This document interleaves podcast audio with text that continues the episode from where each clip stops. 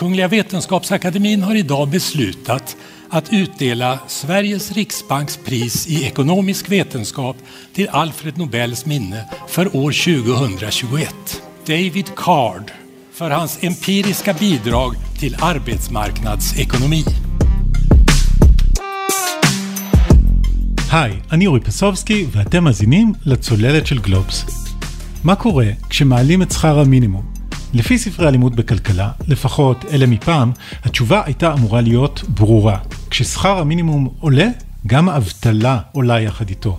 כי למעסיקים כבר לא משתלם להעסיק חלק מהעובדים שלהם. זה לפחות מה שאומרת התיאוריה הקלאסית. אבל מסתבר שבעולם האמיתי זה עובד קצת אחרת. להעלאת שכר המינימום יש מעט מאוד השפעה על שיעור התעסוקה. זה מה שגילה לפני כמעט 30 שנה הכלכלן דיוויד קארד במאמר פורץ דרך. מכת ברק שטלטלה את כל עולם הכלכלה, ככה אחד הפרשנים הגדיר השבוע את המאמר הזה. והשבוע קארד זכה בפרס נובל לכלכלה. יחד איתו זכו בפרס הכלכלנים גווידו אימבנס וכמובן ג'וש אנגריסט שהיגר לישראל, התגייס לצנחנים וגם בילה תקופה מסוימת כחוקר באוניברסיטה העברית לפני שחזר לאמריקה. למה הם זכו בפרס נובל? לא רק בזכות המחקרים שלהם על שכר המינימום, או בתי ספר, או הגירה, אלא גם בגלל משהו הרבה יותר עמוק.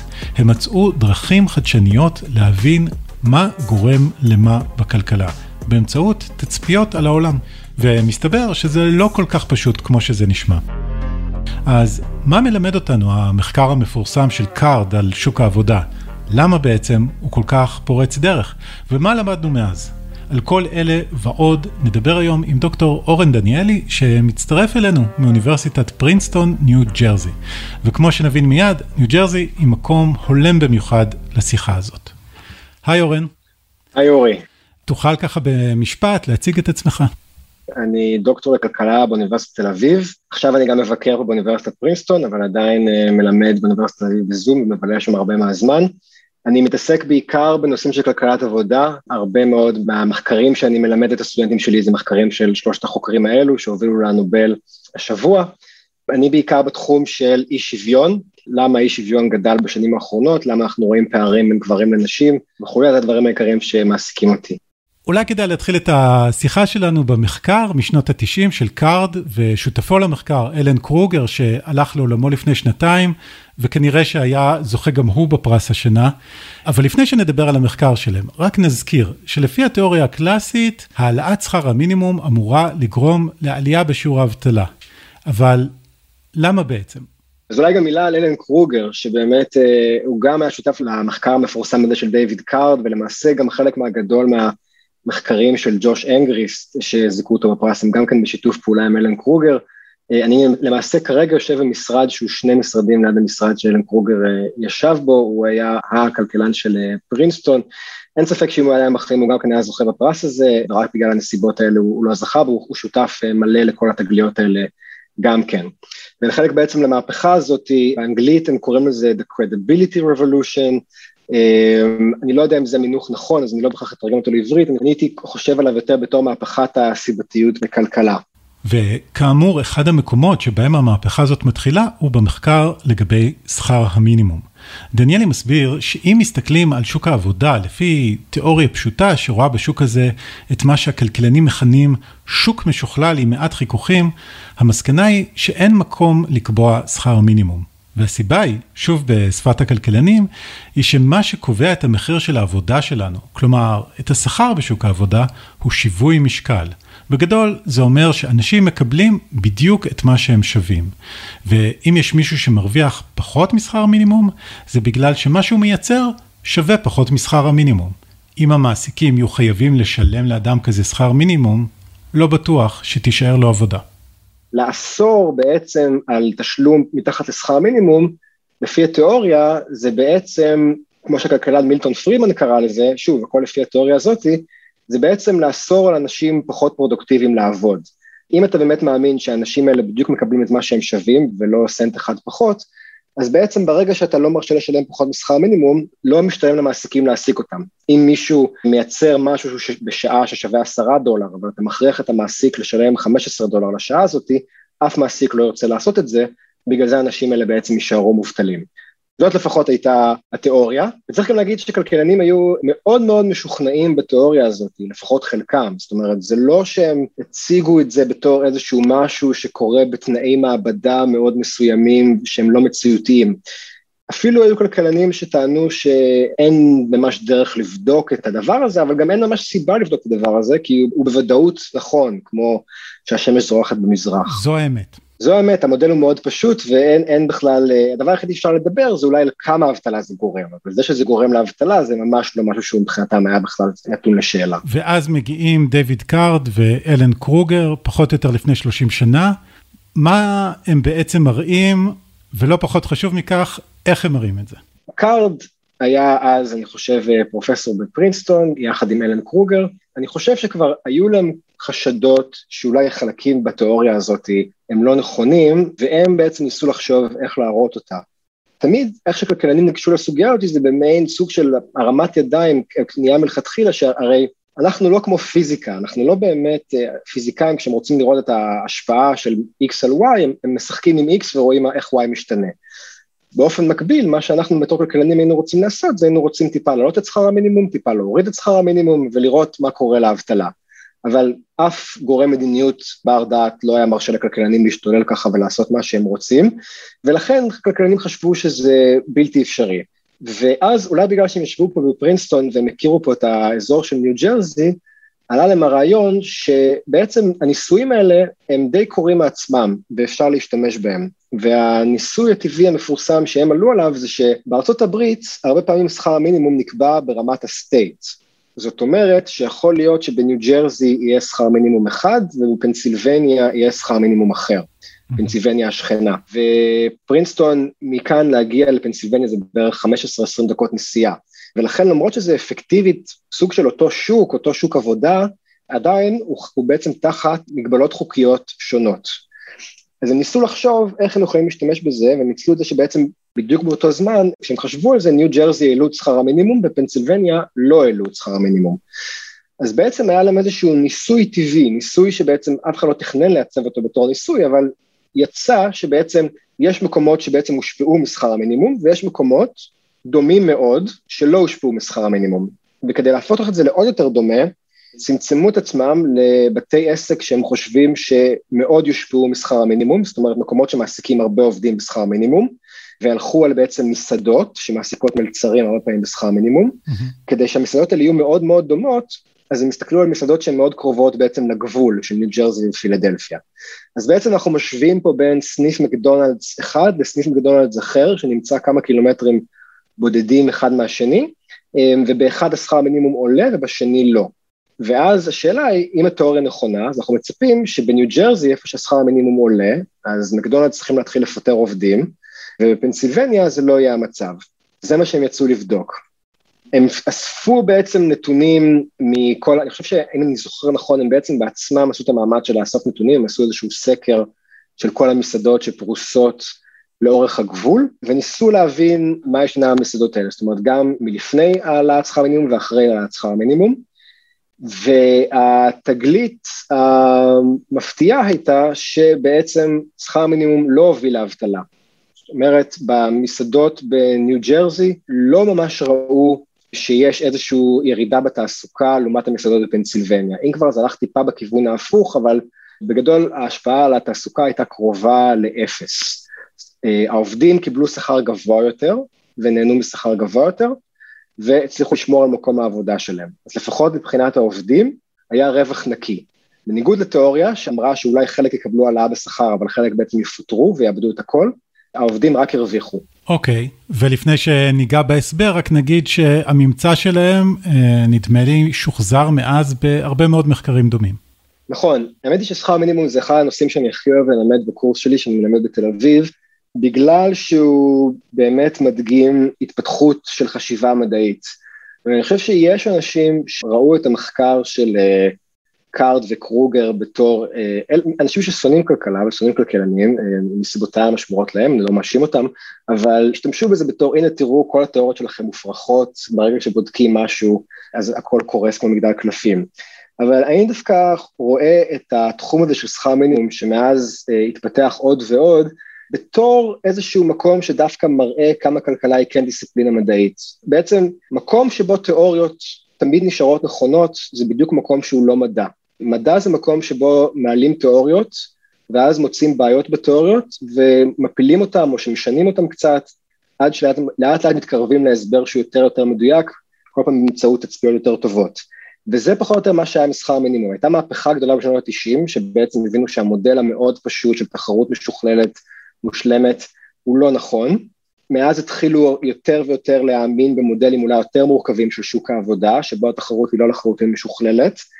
בשנים האחרונות, אה, ובאמת הייתה קפיצה עצומה בחמש, עשר שנים האחרונות בהבנה שלנו של שכר מינימום, היה שיפור מאוד גדול גם ברמת הנתונים וגם קצת במתודות שכלכלנים השתמשו בהם, כלכלנים פיתחו את השיטות האלה של אימבנס ואנגריסט למקומות אה, קצת יותר משוכללים אפילו, ולמעשה היום אנחנו יודעים שגם התיאוריות החדשות הן גם לא נכונות, ההסבר הוא כנראה אפילו עוד יותר מורכב כן. אה, ממה שחשבנו, הוא אפילו אולי לא ממוקד בשוק העבודה, אלא יותר בשוק המוצרים.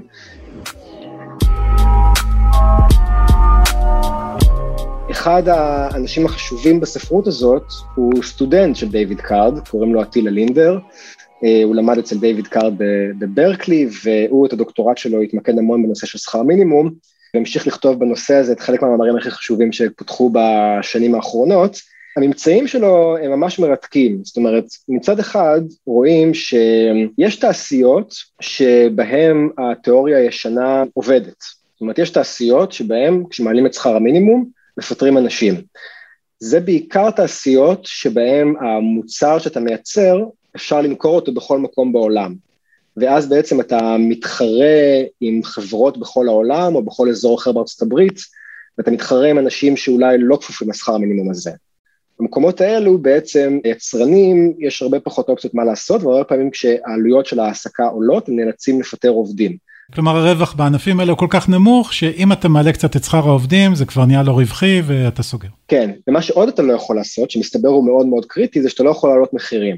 Hmm. מה שעטילה לינדר מצא באחד המחקרים המפורסמים שלו, זה שאחד הדרכים המרכזיות שמעסיקים בעצם מתאימים את עצמם מחדש לשכר מינימום, זה שהם מצליחים להעלות חלק מהמחירים לצרכנים. וזה לא אפשרי אם אתה מתחרה מול חברות אחרות בכל העולם שלא כפופות לשכר מינימום הזה. אבל זה כן אפשרי הרבה פעמים אם אתה נותן שירותי מקומי. לינדר הוא גם לקח את זה צעד אחד נוסף, והוא בדק, אוקיי, אז אולי בעצם לא עשינו כלום, זאת אומרת, אם בעצם אין לנו את השכר המינימום, אבל הכל עכשיו מתייקר, אז האם באמת עזרנו לאנשים? אז התשובה היא כן, עדיין זה עוזר, כי בעצם השאלה המעניינת היא, מי קונה את המוצרים של השכר מינימום? והתשובה היא שאנשים שמרוויחים שכר מינימום לא בהכרח צורכים מוצרים שמייצרים אנשים שמרוויחים שכר מינימום. עובדי שכר מינימום משרתים את כל המשק, ולכן כשהמחירים עולים, הם עולים באופן שווה לכולם. אז העלות מחולקת די שווה בשווה אצל, בקרב כל האוכלוסייה, והרווח הוא מרוכז בעיקר אצל האנשים שמרוויחים הכי מעט. אז מבחינת מדיניות לצמצום פערים בשוק העבודה, זאת מדיניות די יעילה. אני לא יודע אם הכי יעילה, אבל זו מדיניות די יעילה. אם לחזור לדוגמה של מקדונלדס נגיד, אז האנשים שעובדים במקדונלדס מרוויחים מעט, הם מרוויחים שכר מינימום, אבל כולם אוכלים במקדונלדס. אז כשמייקרים את ההמבורגר בגלל שעלה שכר המינימום, זה יתפזר על כל מי שאוכל שם, כן. ולרווחים יגיעו לעובדים. זו דוגמה שאף אחד לא מודה שאוכל, כולם אוכלים במקדונלדס, אבל אם אתה חושב גם על עוד מסעדות אחרות, אה, אז בהרבה מקומות בארצות הברית מלצרים מרוויחים שכר מינימום, ואנשים כן. אוכלים במסעדות, אפילו בעיקר אנשים גם עם מעמדות גבוהים ודברים כאלה, אז בעצם העלות מחולקת על כולם, והרווח מרוכז אצל קבוצה קטנה של אנשים שאולי הכי צריכה אותם. עוד מי שמשלם את המחיר של שכר מינימום, חוץ מהצרכנים, זה אה, בעלי העסקים. אם זה מקדונלדס הגדולה, אז אנחנו לפעמים מרגישים מאוד בנוח עם זה, אנחנו להעביר כסף מקדונלדס ענקית לעובדים הקטנים, זה נשמע כמו צמצום פערים מבורך, אבל צריך לזכור שיש גם הרבה בעלי עסקים בעצם שהם לא מקדונלדס, זאת אומרת יש הרבה אנשים שבעצם מעסיקים עובדים בשכר מינימום, שהם מעסיקים קטנים, הם לא אנשים אפילו בהכרח בעשירון העליון או משהו כזה, זה אנשים אולי איזשהו עסק קטן שמאפשר להם לחיות בכבוד. אמ, עוד דבר ששכר המינימום עושה, זה שהוא בעצם הורג עסקים שהם על סף הרווחיות. זאת אומרת, עסק שהוא לא מאוד יעיל ולא יכול להרשות לעצמו לעלות את השכר של העובדים שלו, בדרך כלל יוצא מהמשק ברגע ששכר המינימום עולה, והעסקים היותר איכותיים, שמייצרים מוצרים יותר איכותיים, שאנשים יותר אוהבים, ויותר מוכנים אולי לספוג את העלאות מחיר האלה וכולי, הם אלה שמצליחים לשרוד. אז באיזשהו מקום זה יוצר יותר ריכוזיות בשוק של המוצרים, שמאפשרת גם העלאת מחירים באיזשהו מקום, ואנחנו לא מספיק מבינים את זה עד הסוף, יש שיטענו שזה מייעל את כל השוק, זאת אומרת שנפטרנו מהאנשים הלא יעילים והשארנו בעצם את האנשים היעילים ביותר ובעצם עשינו פה איזשהו ייעול כללי של השוק. יש כאלה שיטענו שאולי זה מעלה איזשהו חשד לריכוזיות יתר, אה, כי בסופו של דבר לפעמים אנחנו חושבים שתחרות זה דבר טוב, אז אני לא חושב שיש מספיק מחקר על זה, האינטואיציה שלי זה שבסך הכל זה עושה יותר טוב מרע, כי בעיקר אם אתה חושב על זה, על השווקים האלה, בשווקים של השירותים, מסעדות ודברים כאלה, יש הרבה תחרות שהיא קשורה לאיכות של המוצר, אה, ואנשים דווקא אוהבים מגוון ודברים כאלה, אז זה לא שבהכרח יש פה איזשהו, זה לא סביבה טבעית שבו ייווצר איזשהו מונופול ענקי שיעסיק את כל העובדי שכר המינימום.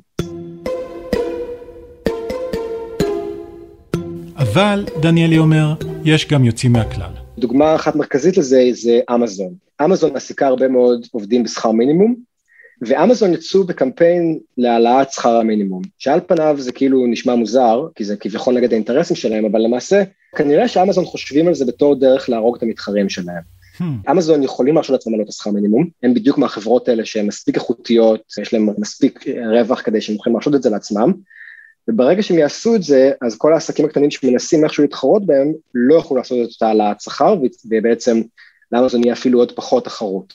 אז אמזון כבר עכשיו העלו את השכר של הרבה מהעובדים שלהם, בעצם מעבר לשכר המינימום, ומנסים לגרום לזה שבחקיקה כולם יצטרכו להעלות את השכר, וזה יכול אולי לעזור להם עסקית. אז זו דוגמה בכיוון ההפוך, שאיפה שכן אולי אפשר לחשוש מאיזושהי ריכוזיות יתר. כן, אז יש פה משחק שחמט מורכב. אז אוקיי, אנחנו התחלנו אז במחקרים של אה, קארד וקרוגר על שכר המינימום. בוא נדבר שנייה אבל קצת גם על שני הזוכים האחרים בפרס. המחקרים של אנגריסט ואימבנס הרבה יותר טכניים, לפחות ככה זה נראה לי כמי שאינו אה, כלכלן במקצועו. אולי תוכל להגיד עליהם משהו אה, ממש בקצרה, אולי דוגמה? יש בזה מה, זאת אומרת, אנגריסט ואימבנס, גם אני חושב שחלק גדול מהתרומה שלהם זה שהם בעצם ביססו באיזשהו מקום את התיאוריה של הניסויים הטבעיים. זאת אומרת, הם בעצם אמרו ברגע ש...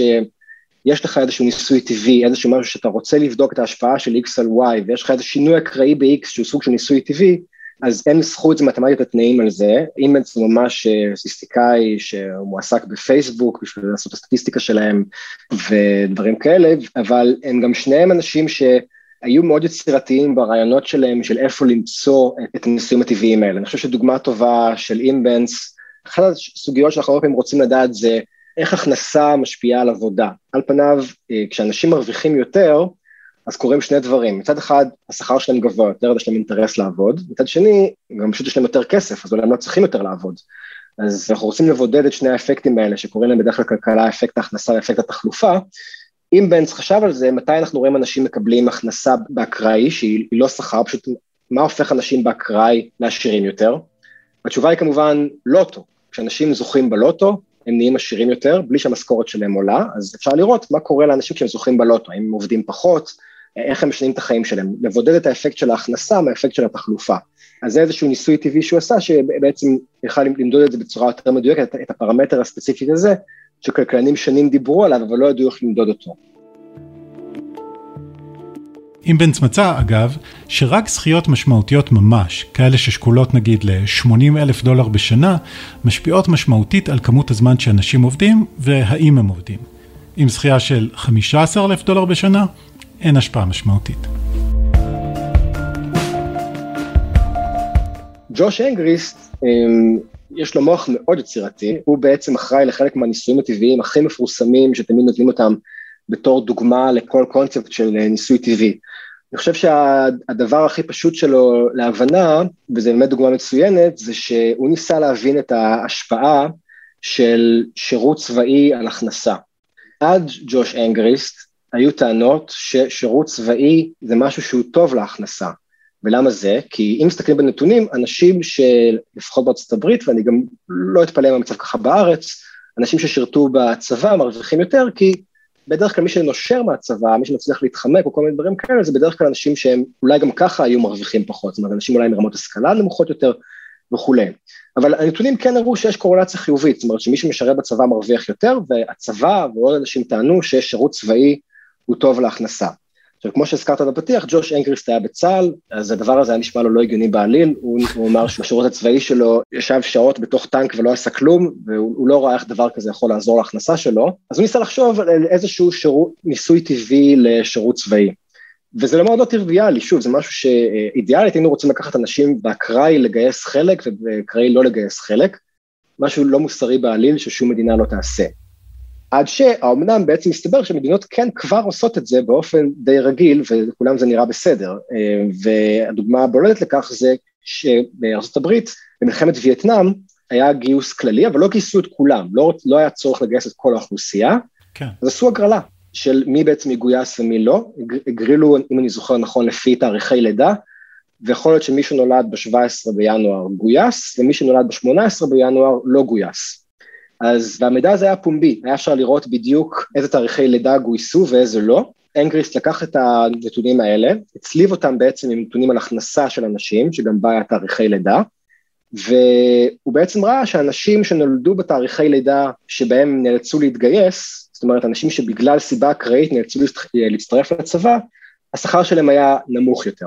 בגדול זה היה שקול לכמות, אם אני זוכר נכון את המספרים, בכל יותר זה היה שקול לכמות ההפסד בניסיון שהם היו יכולים לקבל בשוק העבודה. זאת אומרת, צבא כמעט לא נותן כלום אה, בזמן שאתה נמצא מבחינת ניסיון בשוק העבודה, ובעצם הראה שזה דוגמה מצוינת לאיך שמשהו אחד שנראה קורלציה שקיימת בדאטה, ברגע שאתה מוצא את הניסוי הטבעי, אז הסימן ממש מתהפך, ובעצם המסקנות מתהפכות לחלוטין, מראות שבעצם המסקנה הפוכה לחלוטין ממה שחשבנו. יש לו עוד דוגמאות מפורסמות, המון בתחומים של חינוך וגם במקומות אחרים בשוק העבודה, רעיונות מאוד מקוריים כאלה, ניסויים טבעיים, שהוא היה הראשון לחשוב עליהם. תשמע, פרס נובל הוא בדרך כלל לפחות נותנים אותו לחוקרים קצת מבוגרים יותר, שהמחקרים שלהם פשוט היה זמן אה, שהמחקרים שלהם יוכיחו את עצמם. במקרה הזה אנחנו מדברים על מחקרים שחלקם לפחות אה, משנות התשעים. אם לדבר אליך אישית, אבל אתה כבר אה, שייך לדור הבא של החוקרים, כלומר במובן מסוים אתה עובד בדיסציפלינת הכלכלה, שהתעצבה אחרי המחקרים אה, המפורסמים של קארד ואנגריסט ואימבנס, למרות שהם עדיין חוקרים פעילים, אבל אתה יודע, אה, את המהפכה שלהם הם כבר עשו, אפשר לומר שאתה עובד בהשראתם? אני חושב שיש כמה דברים שהשתנו. קודם כל, הדור שלי, הפריבילגיה שלנו שלא הייתה לדור הקודם, זה שיש לנו פשוט אה, הרבה יותר נתונים מאשר שהיו להם.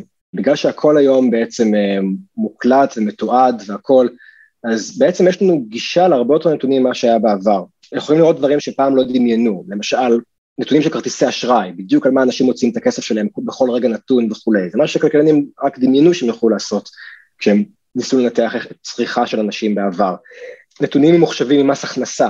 פעם כשדיברו על אי שוויון, היו צריכים לעשות סקר ולשאול אנשים כמה הם מרוויחים, עכשיו יש פשוט הכל קבצים מוחשבים של מס הכנסה, אנחנו יודעים בדיוק כמה כל אחד מרוויח, אפשר להסתכל על זה.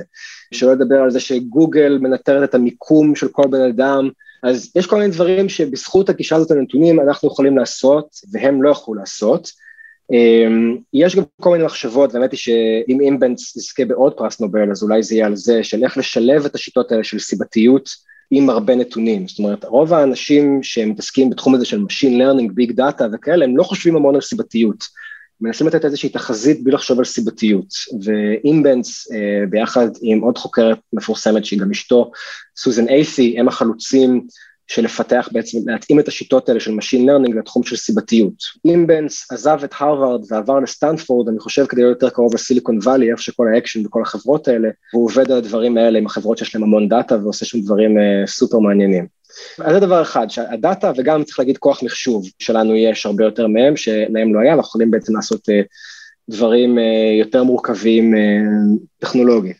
צריך להגיד שצריך להיות מאוד מאוד יצירתי בשביל לעשות את הסוגי מחקר האלה, כמו סוג מחקר כזה של אה, ג'וש אנגריסט, אה, צריך לחשוב על איזשהו ניסוי טבעי, על איזשהו משהו שקרה פעם, ואיך בדיוק הוא משפיע על מה שאתה רוצה ולא משהו אחר. זה דברים שקל להסביר אותם, אבל קשה לעלות עליהם בעצמך, במיוחד אחרי שכבר 30 שנה אנשים מחפשים דברים כאלה, אה, ובעצם משאירים לדור שלי רק פירורים. זה גם דחף לזה שאנשים פחות עושים ניסויים טבעיים ויותר עושים ניסויים אמיתיים, וזה גם חלק מהעניין הטכנולוגי. היום אני חושב שחלק מהתרומה של אנגריסט וקארד ואינבנד זה שהם הסבירו לאנשי מדיניות את החשיבות של סיבתיות ולמה אם נגיד אנחנו נותנים דמי אבטלה ואנחנו רוצים לדעת מה ההשפעות של דמי אבטלה אז אנחנו צריכים להסתכל על זה בצורה סיבתית אנחנו לא יכולים פשוט להשוות את מי שקיבל ומי שלא קיבל כי אם מי שקיבל זה רק מי שעבד לאחרונה ומי שלא קיבל זה מי שכבר לא עבד שנה, אז אנשים האלה הם לא אותו דבר ואסור להשוות ביניהם. אז הם, אני חושב שהיום קובעי מדיניות הרבה יותר ערניים לדברים האלה, וגם בישראל אתה רואה שאנשים ממשרד האוצר מוכנים לעשות ניסויים. זאת אומרת, משרד האוצר רוצה לעשות איזושהי תוכנית של איך לעזור לאנשים שהרבה שנים לא בשוק, לא בשוק העבודה, אז הוא עושה ניסוי ועושה תוכנית ומחלק אותה באקראי לחלק מהאנשים, ואז הוא יודע באופן יותר אמין מה ההשפעה שלה. אז גם יש יותר פתיחות לנושא הזה של אה, ניסויים במדעי החברה, אה, וגם הטכנולוגיה מאפשרת לעשות יותר ניסויים אה, של... לעשות להריץ ניסויים בכל מיני פלטפורמות כמו פייסבוק, כמו גוגל, דברים כאלה, זה משהו שיותר זמין היום. אני לא יצירתי כמו ג'וש אנגריסט, אני אף פעם לא היה לי איזשהו רעיון, איזשהו ניסוי טבעי כזה מאוד נקי, שבדיוק מודד את הפרמטר שאתה רוצה. עדיין אבל יש אנשים כמוני שעושים דברים שהם יותר, מנצלים את זה שהיום יש לנו הרבה יותר דאטה וחושבים איך אפשר עם הדאטה הזה להבין משהו יותר טוב על העולם, גם לא בהכרח בצורה סיבתית. Mm. עדיין זה מאוד מעניין למדוד דברים גם לא בצורה סיבתית ועדיין עושים את זה. שתי שאלות לסיום ככה, קודם כל אולי נתחיל בקונקרטית יותר, אז אתה יודע, איך כל הדיון שהתחלנו בו על מה שגילו למשל על uh, שכר המינימום ואיך הוא מתנהג או לא מתנהג כמו שחשבו קודם, ובכלל איך שוק העבודה עובד, איך זה מתקשר למשל לישראל בימינו? אני חושב שכמו שאמרת, התרומה של אנגריסט ואינבנס היה לא רק הניסויים הטבעיים עצמם שהם עשו, אלא גם שהם בעצם ידעו לנסח באופן מדויק את ההנחות שאנחנו מניחים שאנחנו משתמשים בניסויים האלו. ואחת ההנחות שכלכלנים שמים עליה הרבה מאוד דגש, זה הנושא שבאנגלית קוראים לזה external validity, אמ, של אתה מריץ תמיד ניסוי באיזושהי סביבה מסוימת, לא ברור האם הניסוי הזה גם יהיה תקף לסביבה אחרת, באוכלוסייה אחרת וכולי. אתה נותן נגיד תרופה לגברים צעירים, לא ברור אם היא תעבוד על נשים מבוגרות. אמ, אז זה תמיד איזושהי מגבלה של הניסויים האלה. ולכן באמת הרבה מאוד מהמחקרים האלה, המחקר שנעשה בגבול של ניו ג'רזי ופנסילבניה וכולי, האם הוא באמת רלוונטי לישראל? אז איך חושבים על השאלה הזאת? אז פה כן יש את מקום לאיזושהי חשיבה, אה, בגלל זה אני חושב שעדיין, למרות שהפכנו למקצוע מאוד אמפירי, עדיין אנחנו גם מקצוע שהתיאוריה בו היא מאוד חשובה, כי בדיוק בשביל השאלות האלה, אנחנו רוצים בעצם לדעת למה ישראל דומה, ואז השאלה היא דומה במה, בשביל זה אנחנו צריכים איזושהי תיאוריה כדי להבין מה חשוב להסתכל. אז רוב הכלכלני העבודה נוטים להסכים שהמדד הגיוני להסתכל עליו זה איך נראה השכר המינימום ביחס לשכר החציוני. זאת אומרת, אנחנו רוצים לדעת, זה איזשהו משהו שמשקף כמה השכר המינימום גבוה ביחס למה שנהוג לשלם במדינה הזאת. אז אפשר בעצם לשאול איך זה נראה בישראל לעומת מדינות אחרות שבהן מורץ הניסוי הזה. בישראל היום השכר המינימום יחסית גבוה ביחס לשכר החציוני. זה בערך בגבול של מה שאנחנו יודעים להגיד. זאת אומרת, היו כל מיני ניסויים טבעיים שהראו בערך על המקומות האלו ששכר מינימום עדיין לא גורם לאבטלה. אם אנחנו נתחיל ללכת הרבה מעבר לדבר הזה, זה כבר אזור שבו הדבר הכנה לעשות זה להגיד שאנחנו, אין לנו ראיות חד משמעיות, אנחנו צריכים פה איזושהי תיאוריה. יכול להיות, זאת אומרת, אני חושב שרוב הכלכלנים מסכימים שבהעלאה עצומה של שכר המינימום אנחנו כבר כן נראה אבטלה, אבל השאלה איפה מגיעים למקום הזה. אין איזשהו מחקר שיודע להגיד שהראה, תראו פה, העלו כבר ל-90% מהחציון וזה כבר היה יותר מדי. זה לא ראיתי שום מקום שעשה את זה, אבל אנחנו פחות או יותר הגענו עד 70% מהחציון וזה המקום שבו אנחנו מפסיקים כבר לדעת, כי מדינות לא כל כך הולכות לכיוונים האלו. אז אם ישראל תעלה את שכר המינימום, התשובה הכנה היא שאנחנו לא לגמרי יודעים מה יקרה. לעומת זאת, יש כל מיני הצעות שלפעמים אני שומע, גם היה כאלה הצעות בזמן הקורונה, שישראל צריכה להוריד את שכר המינימום. פה זה קרקע שאני מרגיש שהיא קרקע יותר יציבה, כי פה אנחנו הולכים למקומות שהם באמת יותר דומים למדינות אחרות, ושם אנחנו יודעים שאין בזה טעם. זאת אומרת, מחשבה שאומרת שאנחנו נוריד את שכר המינימום, ואז כל האנשים שעכשיו לא עובדים בגלל הקורונה יחזרו לעבוד, אין לזה שום ביסוס מחקרי. רוב המקומות שיש בהם שכר מינימום דומה, זה לא נראה שהורדת שכר מינימום תעזור באיזושהי צורה. אז על ההורדה אנחנו מרגישים יותר בנוח להגיד, אני לפחות מרגיש יותר בנוח להגיד, כי זה יותר דומה למדינות אחרות, העלאה זה כבר לעשות אה, אקסטרפולציה למחוזות שעוד לא ראינו. אז זו הייתה שאלה קונקרטית, אני אנסה עכשיו אה, לסיים אולי בשאלה בדיוק בכיוון ההפוך, איזה משהו הרבה יותר כללי, כי אתה יודע, בעולם שבו הכלכלה היא הרבה יותר מדע והרבה יותר מדויקת ועוסקת בניסויים ובתצפיות וב... אתה יודע, המון המון דאטה שמאבדים אותו בשיטות אה, מחשוב מתקדמות, לא קצת הולכות לאיבוד התיאוריות הגדולות, ההסברים הגורפים שמציתים את הדמיון על מה גורם לכלכלה לעבוד ומה גורם לאנשים לעבוד ולפעול, משהו מזה עשוי ללכת לאיבוד. באיזשהו מקום זה כנראה קצת קורה. אה, אני חושב שהשינוי הזה הוא חיובי ומבורך, ואנחנו הפכנו לתחום יותר מדעי. זה נותן לנו, אני חושב, יתרון על פני מה שהיינו פעם, וגם זה נראה כאילו לאט לאט דיסציפלינות אחרות מדעי החברה הולכות דווקא בכיוון של כלכלה. יש גם שיטענו, ואני נוטה להסכים שהסיבה שהרבה פעמים קרובי מדיניות הולכים קודם כל לכלכלנים, זה בגלל השיטות האלו. הנה דוגמה טובה, רוצים לשאול מה ההשפעה של גודל כיתות על הישגים של תלמידים. על פניו, שאלה שלכלכלנים אין שום דבר מה לתרום בה. אנחנו שום דבר בהכשרה שלנו במיקרו או במקרו לא מדבר על גודל כיתות.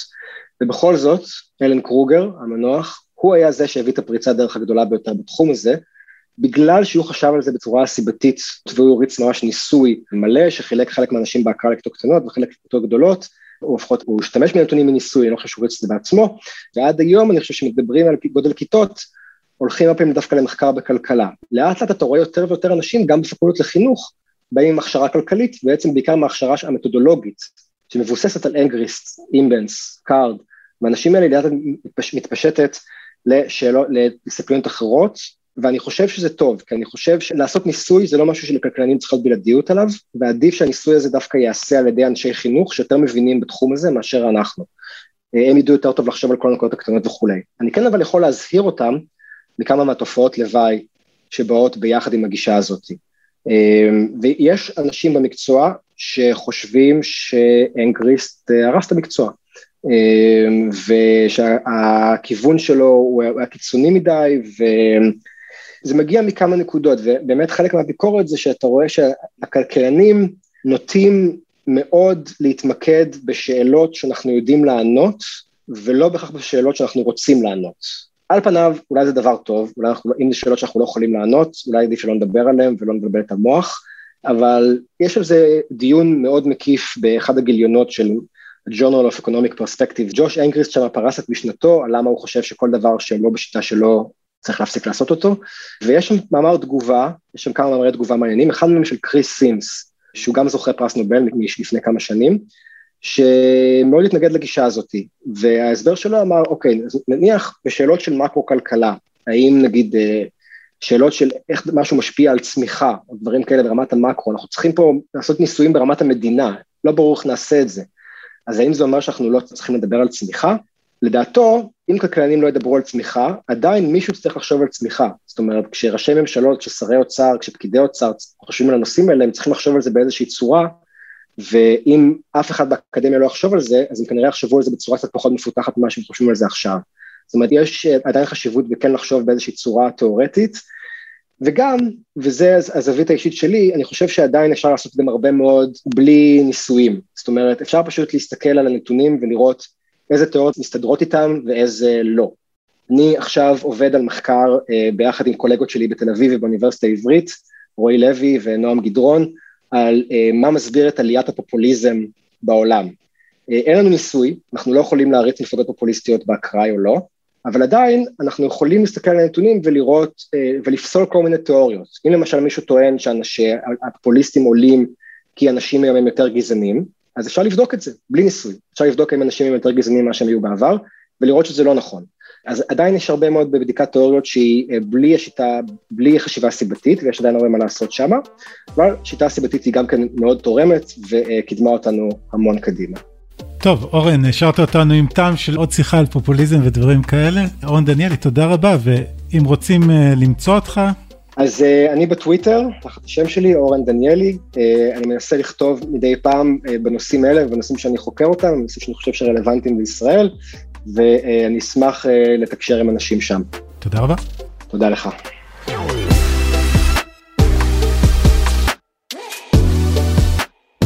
עד כאן עוד פרק של הצוללת. אתם יכולים למצוא אותנו באתר גלובס, בספוטיפיי או באפליקציות החביבות עליכם, ונשמח אם תדרגו אותנו גבוה. ועכשיו, כשהכנסת חזרה ודיוני התקציב העלו הילוך, חזרה גם צוללים לתקציב.